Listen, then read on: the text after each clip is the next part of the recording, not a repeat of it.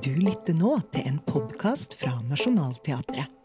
Denne gangen i form av en salongsamtale tatt opp med publikum i forkant av forestilling. For mer informasjon om forestillinga og arrangementa, se nasjonalteatret.no. God fornøyelse.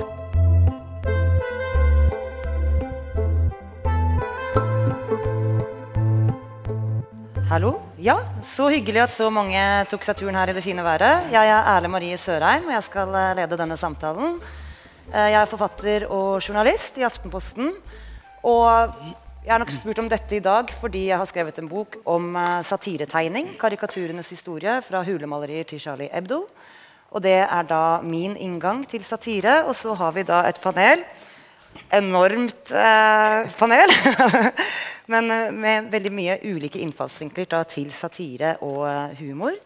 Og da må jeg nesten bare ta og se at Først så har vi da til venstre Marika Enstad, som da etter hvert må gå, for hun skal i sminken og spille skuespill. Så det er veldig sporty at du orker å stille opp på forhånd. Takk skal du ha. Du har jobbet ved Nationaltheatret siden 2005, sa i hvert fall eh, Nationaltheatrets nettside.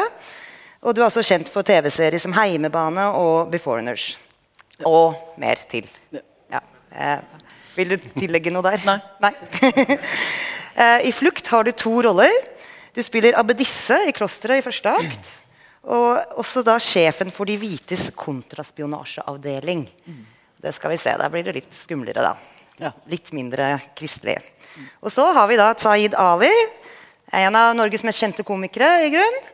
Eh, kjent for programmer som Rikets Røst på TV 2, Jul i Tøyengata, TV Norge, og for sitt samarbeid med Shabana Rehman, bl.a. med Stovner-revyen, som jo skapte en del debatt. Og så er han nå brennaktuell med boka en krimparodi, 'Svaber en vaskeekte detektiv'. Og Den har fått veldig gode kritikker, så ja. Zahid syns vi skal klappe for det. Det gjør vi. Så har vi Hani Hussein. Hun er standup-komiker og profil i P3 Morgen. Hun har vært eh, deltaker i Kongen befaler. Og har premiere 2.9. på sitt soloshow Comeback. På Njø Hvordan sier man det? Ja, Njø scene. Njø scene. Så det må dere også da få med dere etter hvert. Og sist, men ikke minst, som man sier, så har vi da Kai Schwint. Han er medieviter og humorforsker. Det er ikke verst. Og du er da tysk-norsk, kan man si. Jeg, eh, Tysk humorforsker. ja, det er altså Ok. Jeg hadde tenkt til å si Jeg var, jeg er- var veldig glad du sier Ja, det, for ja, ja. jeg lurte på om jeg skulle si det. eller om det var for fritt. Vi vet ikke hva det er, så jeg forske på det. Og du har også jobbet da, du jobber fortsatt mye i Tyskland som eh, regissør og manusskribent for også De Drei Fragezeichen. Jeg følger med. Veldig bra. Eh, og så skal vi da først snakke litt om stykket. Og hvordan Marika og de, truppen har jobbet med det. Før vi går over til å snakke litt mer om satire generelt. Hvordan det fungerer i dag. Og hvordan dere har jobbet med det. Hvordan dere opplever det, måte det og Hvordan nordmenn også da eh, reagerer på satire. Men først må jeg si litt om stykket dere sikkert mange av dere skal se. Det er altså 'Flukt', skrevet av Mikhail eh, Bulgakov. Eh, Han ble født i 1891 eh, og døde i 1940. Og var da en ukrainsk-russisk forfatter. Nå er han mest kjent for eh, eh, romanen 'Mesteren og Margarita'. Men i sin samtid var han mest kjent som dramaturg. Eh, dramatiker. Eh, da, dette stykket er skrevet i 1927 og lagt til borgerkrigen i 1920, mens de såkalte hvite kjemper for å beholde makten på Krim, mens de røde, altså kommunistene, bolsjevikene, er i ferd med å erobre halvøya, og de hvite må ut. Og lurer på hvordan de, liksom, hvor skal de dra. De må starte å flykte. Um, I 'Flukt' kombinerer Bulgakov tung krigstematikk med satire og ironiske virkemidler. Uh, og uh, Vi skal høre litt først med Marika hvordan dere har bearbeidet dette. Men først vil jeg da ta et sitat fra Vårt Lands anmeldelse, som kom i går. Uh, 'Flukt er et kruttsterk forsøk på å si noe om krigens vesen og følelsen av å være på flukt.' Så det vil jeg si er en god, det var en god anmeldelse. Så eh, Det er den vi velger å, å snakke om her. Um, så Marika, uh, altså, humor er jo på mange måter ferskvare. Uh, og satire avhenger kanskje enda mer av kontekst. Uh, siden den også da på en måte gjerne tar dagsaktuelle temaer på kornet og tuller med det. Eh, hvordan har dere jobbet med flukt for å få den til å fungere i vår tid? Ja, eh, først og fremst så har vi jo da hatt en eminent eh, regissør, Alexander Mørk Eidem, som har eh, egentlig åpna leseprøven for oss med å si at dette her eh, ikke skal bli gøy, men det kan bli gøy også. Eh, og jeg var litt sånn skeptisk til det, kjente jeg. Eh, hvordan kan vi få dette her til å være underholdning? Eh, men der syns jeg Alexander er en veldig flink regissør, faktisk. Eh, sist jeg jobbet med han, så jobbet jeg med Per Gynt. Da la han jo til eh, veldig sånn nåtidig tekst som han hadde skrevet, som vi putta inn i Per Gynt. Det har vi på en måte ikke gjort nå. Nå har vi forholdt oss til teksten til Bulgakov. Og det er jo litt sånn spekket underveis da, med morsomme situasjoner, vil jeg si egentlig mer enn at det er så veldig mye ironi. Eh, jeg syns Alexandra Alexander har fokusert mest på å det der håpløsheten, da. Eh, keitetheten, altså det er ting som går gærent. Det, er, det, funker ikke helt med de togene, det funker ikke helt med det apparatet rundt der. Eh, hovedpersonen som Herbert spiller, da, Sergej Gulga... Nei, Galupkov Mange russiske navn.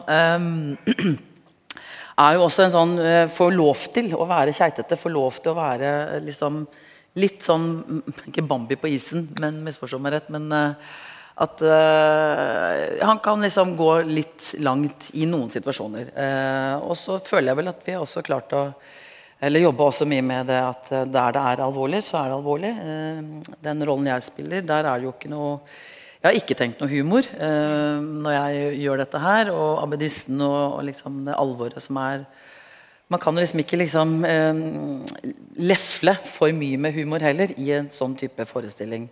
Synes jeg. Og det er en balansegang der. da. der syns jeg Alexander er veldig flink til å guide oss, eller har vært under hele veien. egentlig eh, flink til å guide oss på ok, nei, her må vi holde igjen. Her blir det for mye. Eh, toner vi det ned, og så kan vi gå litt mer opp i begynnelsen. For til de siste dagene når vi jobba nå, når vi hadde publikumsprøver, eh, så fikk vi kjenne litt på det møtet med publikum. Eh, hvor mye faktisk vi kunne liksom skru til den humor mutteren, eh, for å si det sånn. Og den ble skrudd opp egentlig litt mer og mer opp mot premieren. Og det var vel tror jeg kanskje litt for å liksom lage, lage en litt sånn eh, ja, icebreaker. da, altså For å liksom få bort det er litt alvoret som man kanskje kommer inn i salen med når man skal se et sånn type stykke. Og det er jo bra at man har et alvor. Det skal jo være et alvor der. Det er jo alvor. Eh, og hvis man også tenker på situasjonen i dag, så er det klart at det er eh, det er ikke noe gøy med det. Det er ikke noe gøy med krig. Ehm, men eh, han følte vel i hvert fall at det var riktig å, å gå den veien helt i begynnelsen. At Herbert, ja, skuespilleren uh, Herbert fikk lov til å liksom tune, oss, tune, publikum inn på en sånn litt uh, humoristisk uh, vei. da. Um, og det tror jeg kanskje var riktig. men så må man også tone det ned igjen. Man kan ikke liksom gå videre. Og man kan ikke ironisere for mye heller, syns jeg. Men humoren sånn generelt sett i forestillingen syns jeg vel kanskje ligger liksom mer på eh, ja, det satiriske eh, ting som går feil eh, i en eh, engasjert situasjon. Da, I en situasjon hvor det gjelder, i en situasjon hvor man har dårlig tid. Det er tog som går, det er liksom litt eh, sånn. Så går det litt feil. Eh, og det kan man jo le av. og det har, Sånn har man jo i sitt eget liv òg. Det er ting som går veldig feil med både det ene og det andre. og så reagerer jo mange med latter. Eh, jeg er kanskje en av de faktisk som, som privat sett gjør det. Eh, Istedenfor med eh, gråt. Så ler man istedenfor. Så jeg syns at Alexander som sagt har orkestrert det gjennom forestillingen veldig tydelig. Og, men det kunne kanskje, kanskje, vært mer, det kunne kanskje vært mindre. Det er jo smakssak òg, hva, hva, man liksom sitter og ler av. det er jo ikke alt som kan lese, men det skal dere snakke mer om. Eh, du fortalte at dere også hadde en prøveforestilling med et ukrainsk publikum. Ja. Hvorfor, det? Hvorfor var det viktig for dere? Eh, det var vel viktig, og jeg kjente ikke til de, jeg bare fikk vite om det. At det var eh, ukrainere som var også på den første forestillingen. Eh, Det var vel viktig å, å få inn også det at det er eh, Vi har jo hatt motstand på dette her, eh, fra ukrainere også. Eh, På at det blir satt opp. Eh, Og det er forståelig, av forståelige grunner, det. Ja, da kan jeg også eh, påpeke at eh, Bulgakov jo ikke er nødvendigvis altså Han var jo ukrainer, men han var også sånn prorussisk. Ja. Så han er jo da i Ukraina i dag en litt sånn Hamsun-aktig karakter. Kanskje ikke så ille, eh, men eh, litt der. Ja, men de har jo fortsatt et museum etter han da, i Kiev, har jeg fått vite. Så de er jo også stolt av uh, altså han, de, han blir jo ansett for mange som deres forfatter. Men i hvert fall, uh, de ukrainerne uh, reiste seg, og det var veldig rørende. Det var veldig fint å vite at de satte pris på det. Men ok, det var en liten gruppe. Men i hvert fall det, det var en viktig, viktig svar å få, da, syns vi. At det var ja, hyggelig å vite at man, det er ikke bare motstand, men det er jo så klart litt motstand også. Men eh, et eh, nesten 100 år gammelt stykke som da har eh, denne ironiske, satiriske eh, faktoren nå. Hva var det som var vanskeligst eh, å på en måte få til å funke, eller hva måtte dere endre mest? Jeg vet ikke om vi endra så veldig mye. Jeg tror eh, altså Man tona jo ned den at det skulle være gøy, men det er klart at sånn som stykket er bygd opp, så er det bygd opp av veldig sånn komiske situasjoner som etter hvert, når vi kommer i andre akten eh, Man er liksom ferdig med eh, flukten fra krigen, så det, nå kommer da eh, andre del, som handler om eh, ja, som, hvordan man endte opp som, eller hva, som, hva dette her gjorde med de menneskene som var på flukt. Eh, så der er jo humoren på en måte et annet lag igjen, vil jeg si. For det, da går vi inn i en ny eh, aura. Vi går inn i en ny tid, ikke minst. Sånn at da er jo ting eh, Og da kan man liksom skru til den slapstick-biten. Eh, vi har jo et litt artig nummer der med i et eh, litt spesielt kostyme. Men da kan man liksom dra til den litt ekstra, fordi da er man et annet sted. Det er det, er ikke krig lenger, det er ikke det alvoret lenger. Så da ser man jo mer og mer i andre aktene så et forkvakla eh, samfunn. Et forkvakla menneskesinn som på en måte bare krakelerer pga. det de har vært igjennom. da. Ja. Og så, spres, så skrus det jo til igjen på slutten med, med alvor. Men um, nei, jeg, tror- jeg syns at man kan gå ganske langt i de situasjonene. Og det tror jeg er bra også fra første akten. Uh, at andre akten kan være litt forløsende sånn sett. da. At uh, man kan sitte og le av litt sånn dumme ting som blir sagt. Uh, ja, dumme situasjoner som er liksom ja, brodert. Da tror jeg Alexander har vært veldig bevisst på å brodere ut det, egentlig.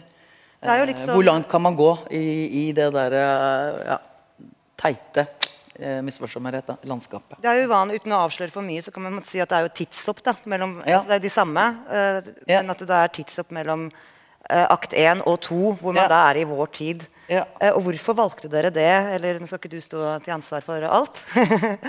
men eh, Nei, det er vel mer sånn kostyme, altså kostymemessig så har de liksom valgt å lage liksom, to tider, men i stykket så er det jo ikke, det, jo ikke det. da.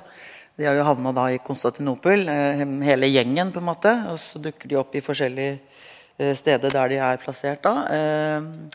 Nei, eh, jeg har ikke så veldig godt svar på det, men det er vel kanskje det, den måten å nå eh, inn til oss eh, nå, da, på.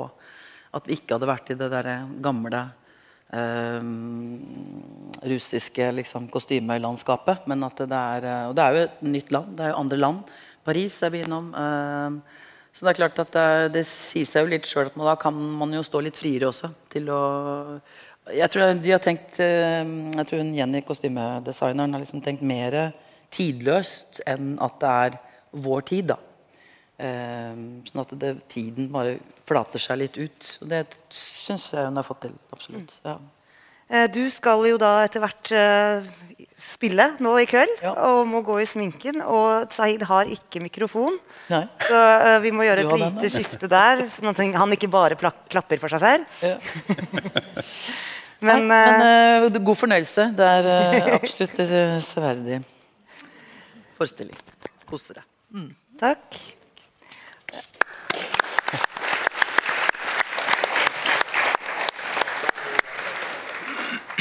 Ja, Kai, du er jo da humorforsker. Eh, det høres jo litt ut som den kjedelige på festen som forklarer enhver vits. Eh, og eh, det kaller man jo på tysk 'spasverderber'. Ja. En moroødelegger, direkte oversatt, kan man si. Men hva er det for deg? Altså, du har jo da forsket mye på tabubelagt humor, også da med holocaust-humor, f.eks. Men eh, først, hva kjennetegner på en måte satiren eh, sånn helt generelt? Generelt skal jeg si noen forskerte ting.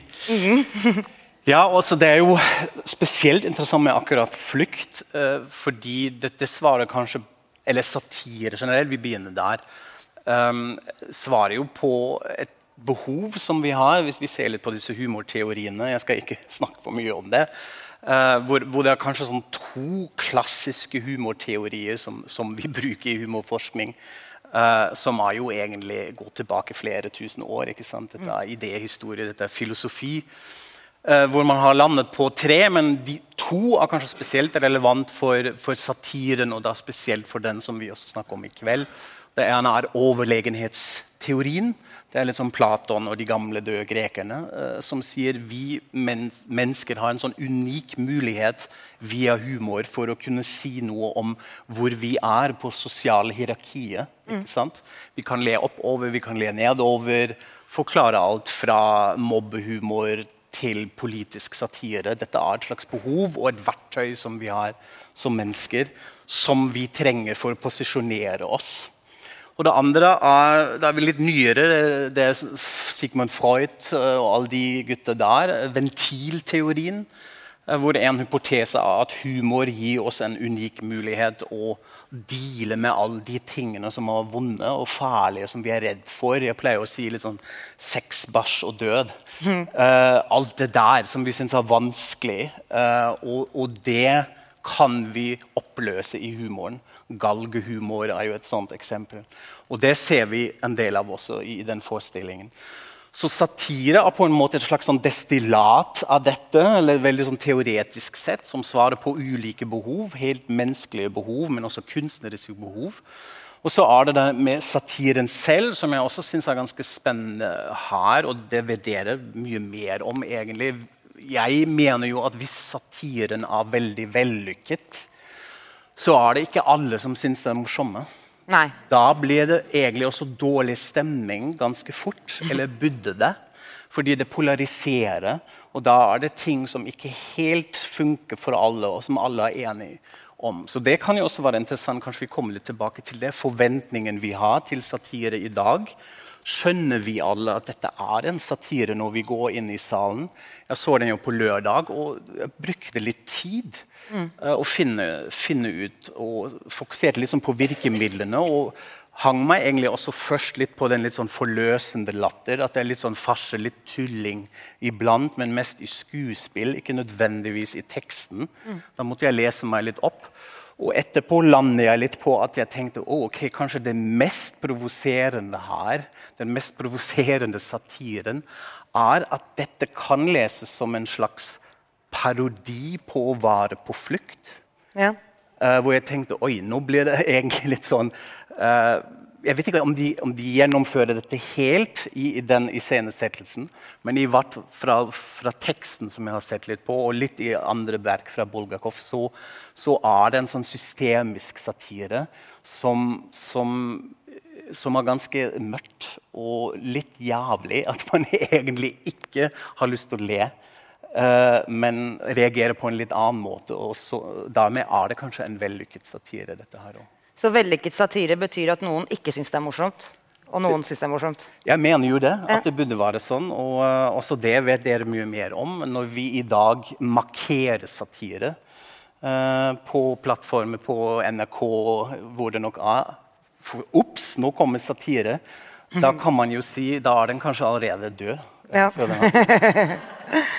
Hani, eh, du er jo, representerer her, eh, ikke til forkleinelse for deg, Sahid, men den yngre generasjonen komikere. Jeg er tolv år gammel. Og eh, jeg leste jo også da at du har jo vært med i Somalias FN-delegasjon. Og syns jo altså ble bare helt, Det er klapp i seg selv, liksom. Veldig imponerende. Eh, men Somalia har jo også vært herjet av borgerkrig. Og eh, Hvordan tenkte du på det når du så stykket? Eh, var det overhodet liksom eh, kunne Kan man dra noen paralleller der? Og ville du på en måte Syns du det ville vært morsomt å sette noe satire om den somalske borgerkrigen, liksom? Eller hvordan er det, trenger man Det er jo mange som sier at liksom komedie er tragedie Pluss tid. Ja. Ja. Eh, Dette stykket er jo 100 år gammelt, så da er det kanskje litt lettere å le. Eh, det er jo som alle på flukt en dag i dag, så jeg vet ikke hvor morsomt det hadde vært å se et rent satirestykke om somaliere på flukt når vi i dag driver og diskuterer hvor mange vi skal ta inn i landet, og om det er greit eller ikke greit. og sånne type ting. Eh, men jeg satt jo først og fremst egentlig og så på stykket som en jente født og oppvokst i Norge. Egentlig litt sånn avstand fra flukt. Jeg er jo generasjonen etter de som har flyktet. Jeg er jo født her og hatt det relativt trygt og relativt fint. Men jeg tenkte jo på sånn, hvordan hadde det vært for den generasjonen som kom før meg. da. Ikke for kleinelse på Zaid Ali, men eh, eh, min mor og eh, Zaid Ali eh, Og se dette. Men jeg tenkte jo da, det jeg tenkte på, var jo at eh, jeg gleder meg litt til at det kommer satire om, om eh, min, altså den foreldregenerasjonens opplevelser. Da, at vi har kommet såpass langt vekk fra det at vi kan se tilbake, og at vi kan le av det. Om den dagen er i dag, det vet jeg ikke. Nei. Nei. Du gjør jo også mye Du lager jo mye humor om dine egne traumer. Ja, jeg gjør det. Jeg, jeg, jeg har jobbet i FN, og måten jeg får inn min satire på, er at noen ganger så bare sier jeg ting som Hvis du ikke var på et humorshow, så hadde du tenkt at eh, Er du dum? Eh, men jeg vil jo at du da skal le og tenke sånn Ha-ha, så dum han jeg er. Men det er jo ikke Jeg har jo sagt noe lignende selv, som f.eks. at eh, jeg har en vits om at i min tid i FN så er det Og husk, dette er mye morsommere på en standup-scene. Bare så det er sagt. Men at i min tid i FN så fikk jeg lov til å holde Somalia sin eneste tale. Noen holder taler hele tiden. Bare skru av telefonen. Det er ikke noe stress. der. Eller ta den. Du kan hilse. Uh, ja. Ok, ikke tenk på det. Um, at em, i min tid i FN, så er det noen nasjoner som holder taler hele tiden, og andre gjør ikke det det hele tatt. Og jeg jobbet jo for Somalia, en bitte liten nasjon, så vi hadde så vidt taler. Eh, men vi hadde én tale, og så hadde jeg fått æren av å holde den talen. Og jeg var veldig spent. Sånn, hva i all verden skal jeg snakke om i FN? Altså, det kan være flukt. Er det, er det skal jeg snakke om kvinners rettigheter, barns rettigheter, barnesoldater, klimakrisen? Det er så mange temaer jeg kan få til å prate om. Eh, og så skulle jeg snakke om rettighetene til folk som er albino. Og så sier jeg at For de har også rettigheter. Men det er også litt sånn satire på det byråkratiske systemet. At liksom alle de spennende temaene blir tatt av de større nasjonene, og så bare filtrer det ned til slutt. Så sitter du igjen med sånn Ok, så er det albino eller handikap. da bare, ja, jeg gjorde det handikap i fjor, så jeg tar albino i år. Eh, og så eh, er det mye satire i dagligliv. Altså, sånn, jeg sitter jo da i FN, og skal alle nasjoner noen prøve å være litt morsomme før de skal tale. Eh, Filippinene skal invitere folk på karaoke, og alle er litt sånn sjarmerte og vi ler. Eh, av, et, av en grunn skal Storbritannia de skal ha et dikt, og vi, sånn, vi skjønner ikke helt hva dere snakker om. Storbritannia, USA skal liksom fremme, og vi er så store og vi er så smarte. Og jeg var der under da mens Trump var president, og de bare sa helt absurde ting. Vi kunne alle være enige sånn Himmelen er blå, og så kommer USA bare sånn, vet du hva, den er rød i USA. Og vi er sånn Nei, det er den ikke. Men da Israel skulle tale så sa de vi vet hva dere tenker når dere hører Israel. Teknologiens nasjon! Eh, og jeg trenger, alt jeg sier etter den setningen, er det er ikke det jeg tenker. Og så kan jeg da gå videre, men det er, det er jo satire i det. Istedenfor å gå inn og komme med sånn politisk eh, standpunkt om hva jeg som en norsk-somalisk kvinne som er muslim, tenker om Israel-Palestina-konflikt, så kan jeg bare si sånn Jeg skal ikke si hva jeg tenker, men jeg tenker ikke på teknologi. ikke sant? Uh, og det, så- det i seg selv er jo en form for satire. Man trenger ikke alle være så veldig hard. Uh, jeg sier også at jeg er veldig glad i 17. mai, og det gjør meg til en Frp-er.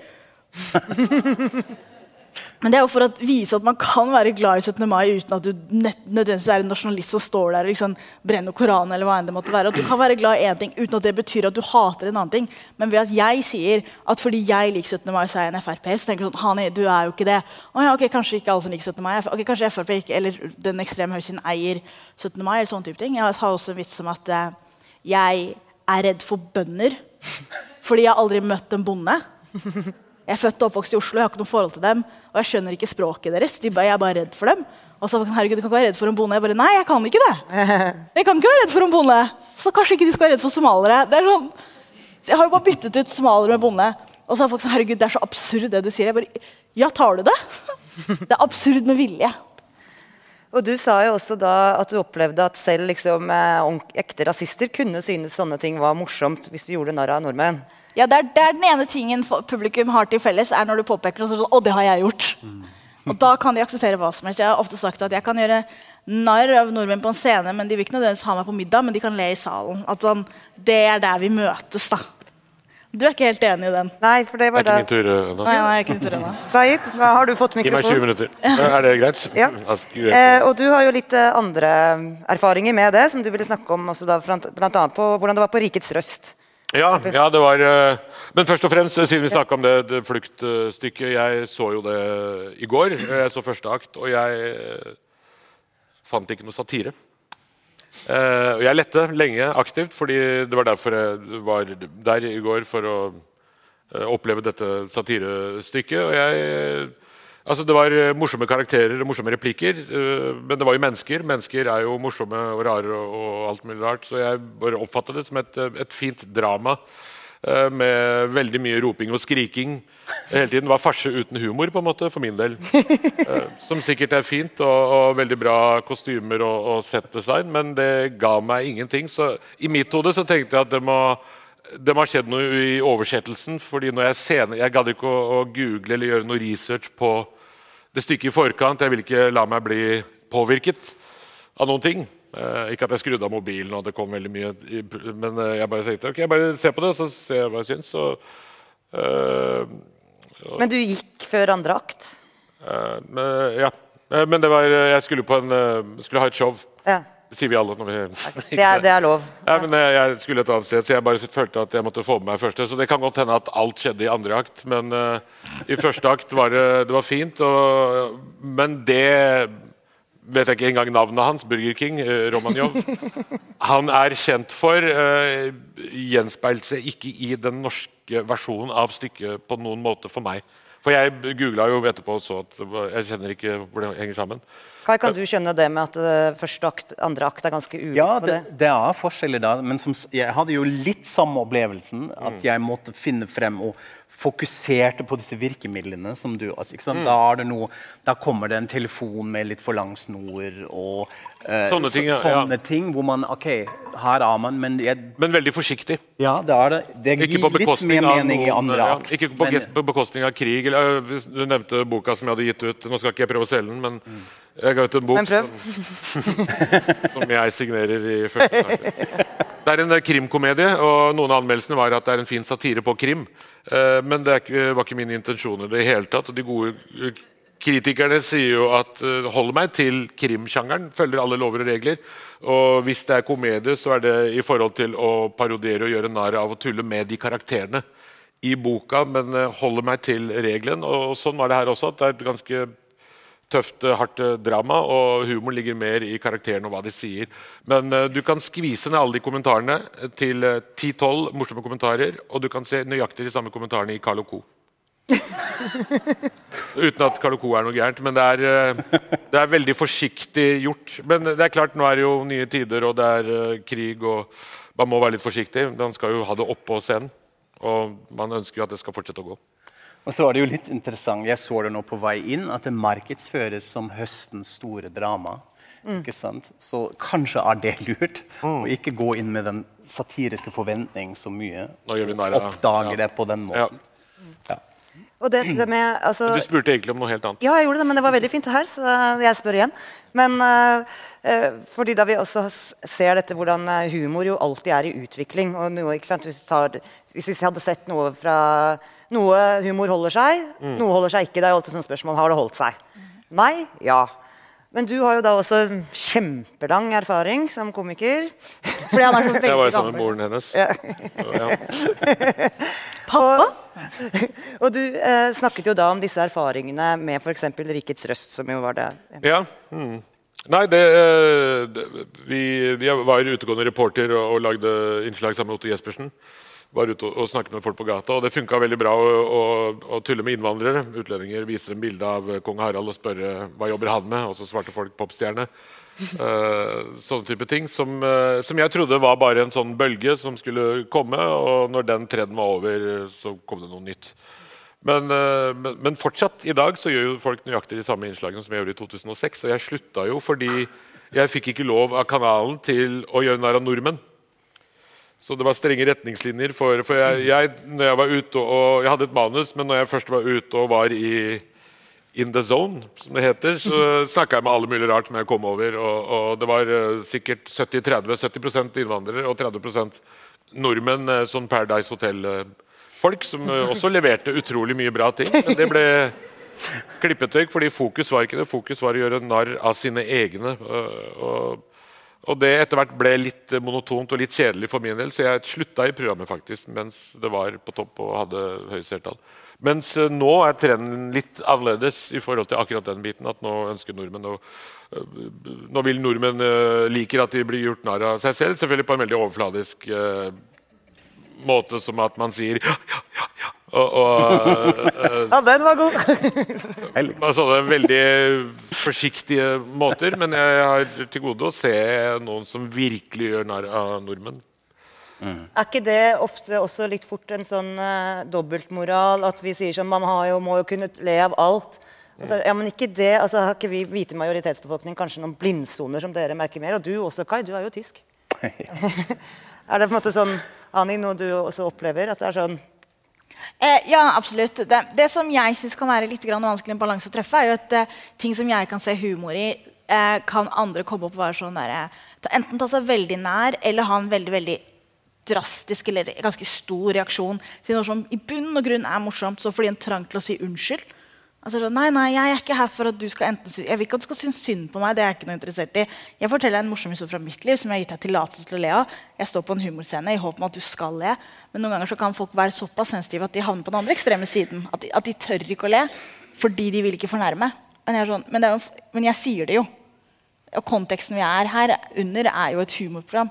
Men det er for så vidt uh, stort sett for et edru publikum på dagtid.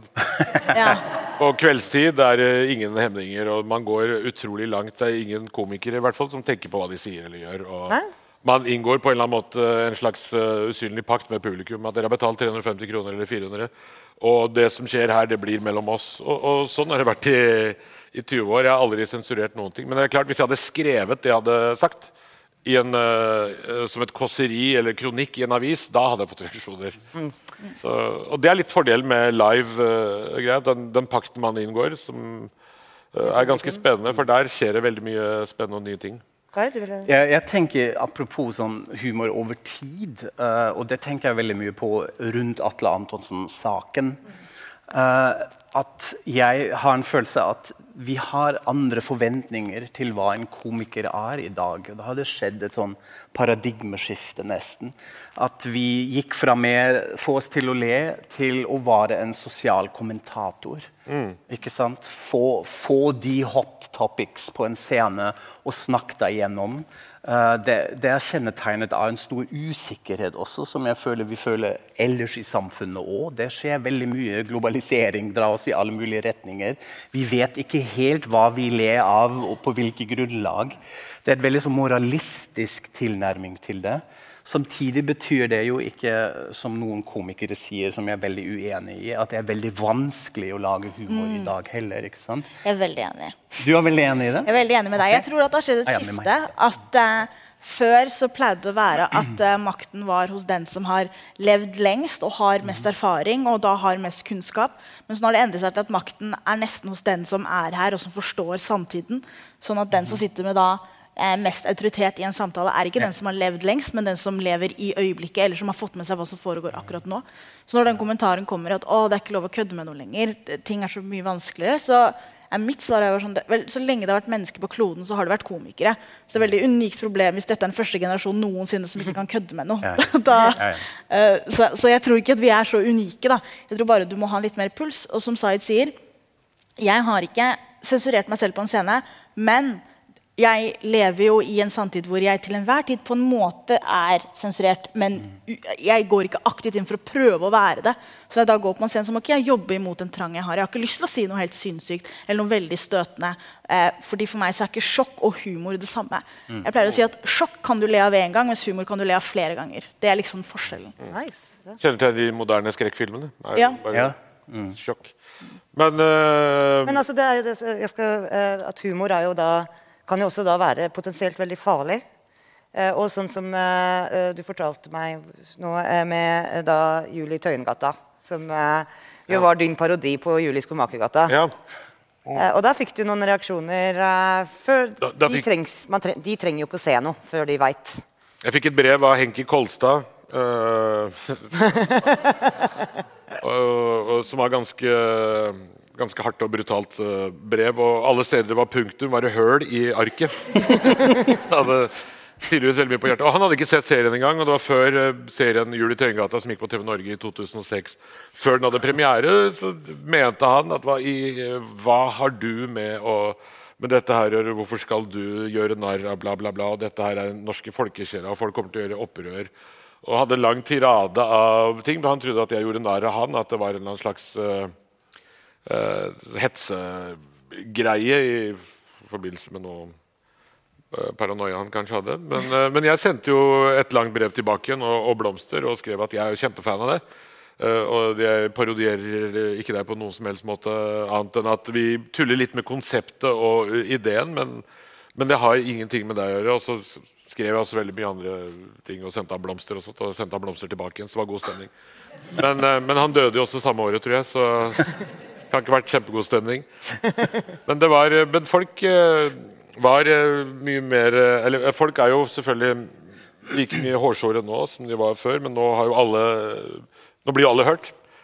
Uh, og, og som du sier, derfor så må vitsene være ikke bare hei og hå og promp og tiss. Det må være hvorfor og hvordan. Du blir en filosof på scenen. Og det er sånn folk blir anmeldt også. Uh, de forventer, Anmelderne forventer at de skal le, fordi du er jo komiker. Men hva mer har du? Hva har du å fortelle meg? Hva kan jeg gå ut med? Så det er, det er litt mer krevende å være komiker nå, eh, som er i en positiv retning. Ja, fordi alle i salen er også kritikere. Du kan ikke bare slenge igjen eh, noen vitser om noen somaliere eller afrikanere eller pakistanere sånt, uten at det er noe i det. Ellers får du reaksjoner. Og da blir du slakta, og da blir du kansellert. Men det er jo også denne på en måte kontrakten man har eller altså sånn, ja, Man kan ikke tulle med noen ting lenger. Men handler det ikke også litt sånn om at det er litt forskjell på hvem som kan tulle med hva? Altså Jødisk humor, for eksempel, som er så stort, og noen av de, altså mine Mel Brooks, for eksempel, eh, fantastisk eh, komiker som jeg er så fan av, han kan jo si kødde om jødiske ting og kultur, som jo på en måte da ikke er noe morsomt hvis jeg hadde sagt det samme. Men det har også med humortalent å gjøre. Jeg tror du kan tulle med hva som helst så lenge du er morsom nok. Ja, ja. ja, men jeg er helt enig. Jeg er, Er du morsom, enig. så kan du si hva som helst. Men er- hvem er morsomme nok til å kunne si hva som helst? Det er et annet spørsmål. Veldig godt poeng. Ja, så er det jo litt sånn det, hva, hva brukes humor til av hvem? ikke sant? Som, som gjør dette så utrolig vanskelig. Litt sånn humors volatile natur, som en forsker har kalt det en gang. Og jeg, som du nevnte i stad, jeg har jobbet litt med holocaust-humor eh, nå en stund, som er utrolig fascinerende. Eh, og da fins det et prosjekt hvor man har samlet vitser som jødene fortalte til hverandre i konsentrasjonsleirene. Og dette er så mørkt at man altså jeg, har, jeg hadde ikke et følelsesspektrum aktivert for hvordan jeg skulle reagere for dette, altså på, på disse vitsene. ikke sant? En, eh, det er en amerikansk jødisk komiker som gjenforteller noe av dette. og sier En av de var litt sånn som, som jødisk kvinne som er på vei inn i gasskammeret, naken i køen. eh, kommer rett fra rampen. Hadde du da dratt inn mage, så du ser litt slankere ut. Ikke sant? Denne stemningen, hvordan skal man reagere på dette? Men så er det jo det å ta eierskap av dette. Uh, gjøre det til seg selv. Dette er jo ikke nazistene eller andre som vitser om det, men ofrene på en måte, som tar et slags eierskap. Og så ble det til et mye større prosjekt, som jeg synes er også veldig fascinerende, med tabubelagt humor à holocaust-humor. At det kan også fungere som et slags korrektiv til hvordan vi har valgt i vår samfunn å behandle disse temaene, disse tabuene. ikke sant? Med holocaust fins jo en debatt i Tyskland som du vet om, om eh, en sånn slags selvhøytidelighet, selvgodhet rundt dette. Vi vet hvordan denne erinnerungskulturen, den Det jo litt, minnekulturen jeg, synes skal fungere. jeg bor i Tyskland og har bodd i Tyskland i 16 år. Så jeg syns det er veldig komisk å se tyskerne eh, eh, påpeke sånn Det kan dere ikke. Ja. Det var Nylig så var det en eh, jødisk kaféinnehaver i Berlin som fikk den israelske ambassadøren til Berlin som kunde, og som sa eh, ut. Jeg vil ikke ha deg her. eh, ut av min kafé. Eh, fordi han da er imot Israels politikk og det partiet. Og da ble det en stor sak i tysk presse, hvor det på kommentatorplass av hvit tysk mann, 50 år, som sier dette går ikke an i Berlin, for en skam. Ja. Og belærer er antisemittisme. ja, Ja. det syntes jeg jo da Ja. Isn't that ironic? Ja, ikke sant? Og da har du sånn humor som jo opererer med sjokk, eh, og det kan man jo diskutere virkemidlene, men som har, får en sånn funksjon at man begynner å se litt på hvordan funker denne minneskulturen. Kanskje det er noe med hvordan vi har snakket om dette så langt, som vi må kanskje forandre litt for å få med flere nuanser. Og da blir dette veldig konstruktivt. Men det må man jo selvfølgelig tillate, finne former for, scener for og uh, ha en, en åpen samtale rundt. Men dette gjør det veldig spennende, syns jeg, akkurat, med disse harde former. Men Hani, er det noe du føler at du ikke vil tulle med, eller er det på en måte egentlig alle hvis du kommer på en Det er visse temaer jeg ikke syns er så gøy. Jeg hørte en komiker som heter Tiffany Harris, som er en amerikansk komiker, og hun er veldig veldig morsom. Og hun har levd et veldig veldig tøft liv. Og hun snakker om alle tingene hun har opplevd, men hun sa at det er en ting hun aldri kommer til å eh, få til å bli morsomt, er voldtekt. Og hun har hatt et helt absurd liv. Og hun var sånn, hun kan kødde med at stefaren stefaren hennes klippet eh, bens, eh, eh, bremsen på bilen så moren krasjet og ble hjerneskadet. Og så måtte hun ta vare på henne. Hun har masse humor på det. Det er kjempegøy. Men akkurat voldtekt eh, temaet hun ikke, kunne få, ikke klarte å få humor på. Akkurat der er Jeg enig. Jeg liker å tenke på det som en Jeg liker å tenke at jeg er på lag med publikum.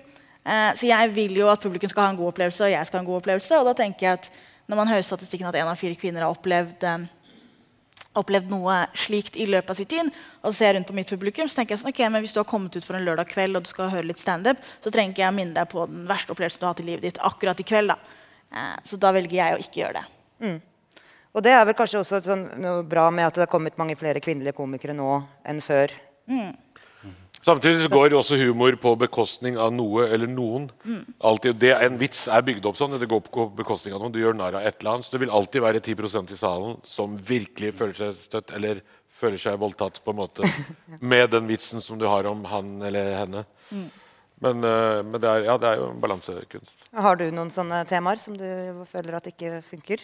Eh, sånn eh, tuller jo med alt mulig rart. Og når vi improviserer, og sånn, så er det jo ikke noe filter. Men eh, rent instinktivt så er det et eller annet sted i hodet som følger med i tiden og sensurerer når vitsene er på vei ut. Så jeg hadde jo selvfølgelig ikke eh, satt fyr på noen hellige bøker eller kødda med religion, selv om det kanskje var en veldig artig idé å gjøre det da. Så religion og litt sånne ting holder jeg meg litt unna på scenen. Pga. konsekvensene, eller fordi du ikke finner morsomme vitser på det? Eh, konsekvensene, og at jeg har ikke fordi Så lenge det er morsomt nok, så er alt morsomt. Eh, Hvis du skal kødde med religion, så må du virkelig gjøre bra research, sånn at muslimene sjøl sitter og syns at «Ja, faen, dette var et jævlig bra poeng. Eh, så det ligger veldig mye dybde i at du kan si hva som helst så lenge det er morsomt nok. Eh, du må virkelig, Hvis du skal være morsom nok, så innebærer det at du kan veldig mye om temaet, og at du forteller vitsen på en måte En tanke som man ikke har hørt før. Vi, vi, vi gjør jo veldig ofte firmajobber. Vi underholder uh, sånne store firmaer som Burger King eller uh, McDonald's. Og, og, og det veldig mange driter seg ut på, er å gjøre de vitsene som alle de kan fra før. Vi snakker om uh, forskjell på plastrør og papprør og sånne type ting. og folk slår seg. Ja, ja, Det det det vi har betalt deg 100 000 kroner for å holde på med. Så hvis du gidder å gjøre litt mer research Med Burger King så tar det kanskje en time å gjøre litt mer research, og så finner du Du ringer de ansatte og, og, og hører ut hva som er uh, greia. Uh, mens med Koranen og Bibelen så tar det litt lenger enn en time. Men hvis du er villig til å ta den researchen, så får du virkelig de gode vitsene. Men da på veien dit eh, For en standup-komiker når du setter opp et show, så må du også teste ut alle vitsene. Så når det gjelder religion, så vil du sikkert eh, møte en eller annen person i salen som ikke vil sette pris på prosessen. Jeg vil bare understreke poenget til Saidali her også. at eh, Hvis du er god, så kan du kødde med hva som helst. Men det, du må bare være god, og det krever arbeid. Det er det samme som eh, Når komikere sier sånn, å, det er ikke lov å kødde med noe lenger, som vi har sagt tidligere, eh, og ting var så mye lettere før, så er det sånn, ja, det er ikke den eneste bransjen i verden som er vanskeligere. Altså Hvis du var dataingeniør på 80-tallet, så sliter du i dag hvis ikke du har gjort Hvis du ikke har oppdatert deg noe. Så det igjen, det er ikke et unikt problem vi har i humor. Og så- og så- eller om det er naturtalent. Rolf Wesenlund var jo kjempenaturtalent. Og de tingene som han gjorde i Fleksnes-serien, er eh, de er i utgangspunktet ikke noe særlig morsomme. Det er ingen andre skuespillere i landet som hadde klart å, å si det på den måten som han gjør på.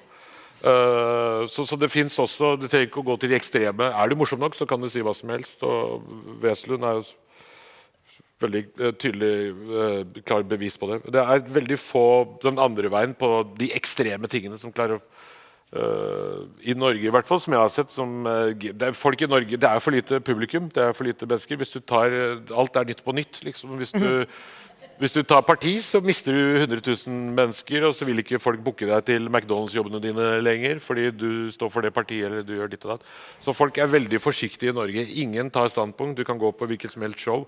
Folk er på alle sider. Det er eh, ja-mennesker, og alt er bra. Og alle liker vitsene dine. Og det største humoren i Norge er eh, Kristian Valen og imitasjoner og parodier. Det er sirkushumor som fortsatt regjerer i Norge.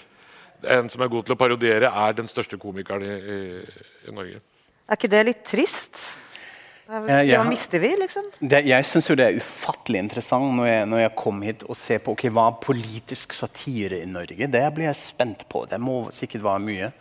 Og jeg, synes, jeg er litt enig. Det, det fins ikke så mye. Og så Samtidig syns jeg det var veldig påfallende. Det eneste gang jeg har fått hat- og trakasseringsmeldinger og e-post, det var når jeg skrev en artikkel om Nytt på Nytt. Og at jeg syns at det var så tam, og om det er en god idé å dulle med politikere. Ja. Eh, og så måtte jeg forsvare det på Dagsnytt 18 mot, sjefredaktøren i Nytt på Nytt. Og sånn. Og da var det action på mobilen etterpå hvor jeg tenkte wow, har jeg funnet det tabuet i Norge? Hvor, altså, ikke gjør noe med gullrekka, liksom. La, la det stå. Men det er jo noe med det. ikke sant? Det er, det, det er selvfølgelig en slags kulturforskjell. I Tyskland er det mye hardere. Den politiske satiren har å gjøre med avstand mellom regjering og myndighetene og befolkningen. Det er flate hierarkier her, men samtidig ligger det noe i det i den konfliktskyheten som man gjerne Og det er fem millioner innbyggere, og du Ja, kan og ikke det- tjene penger på dette. I Tyskland er det 65. Absolutt. Er, eh, 82? Ja.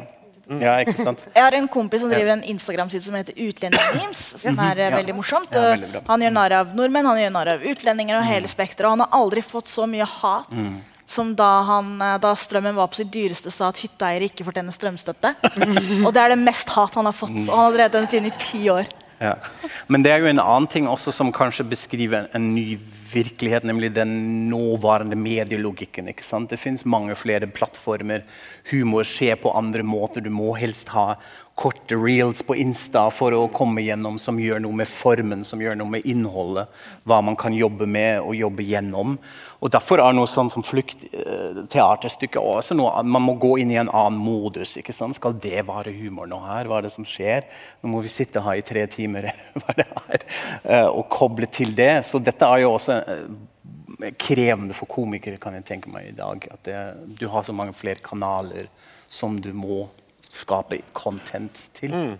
Ja, En fordel med å være fra et såpass lite land som Norge er jo at du må ikke ha mange Instagram-følgere. Hvis du er gjest på Nytt på Nytt én gang, da, så er det nok nordmenn som ser det til at du kan Da kan du sette opp en time, og så kommer det folk. på en måte. Det er jo fordelen av at vi er så få. At, eh, og jeg, jeg har Du må sni på reprisen. Ja, det er det. Ja. mm. Nå er det straks eh, klart for stykket også. Jeg regner med at mange av dere skal dit. Eh, jeg syns dette var veldig interessant selv, og da kan dere jo dømme selv også. Er det, hva slags satire er det i stykket? Ser dere satiren? Og, Husk hva jeg sa! ja, hvis, dere, hvis dere ikke ser den, så er dere team eh, eh, Møter jeg dere utafor i baren på Paddis. Ja, Det er mange av oss. da er det Team Sahid. Og Team Kai er kanskje Men han, du så også begge aktene, så det er jo liksom eh, Oi. Klapp for han. Jeg sov da, men Så uh, ha en riktig god forestilling, og tusen takk for at dere kom hit før. så eh, avslutter jeg med det.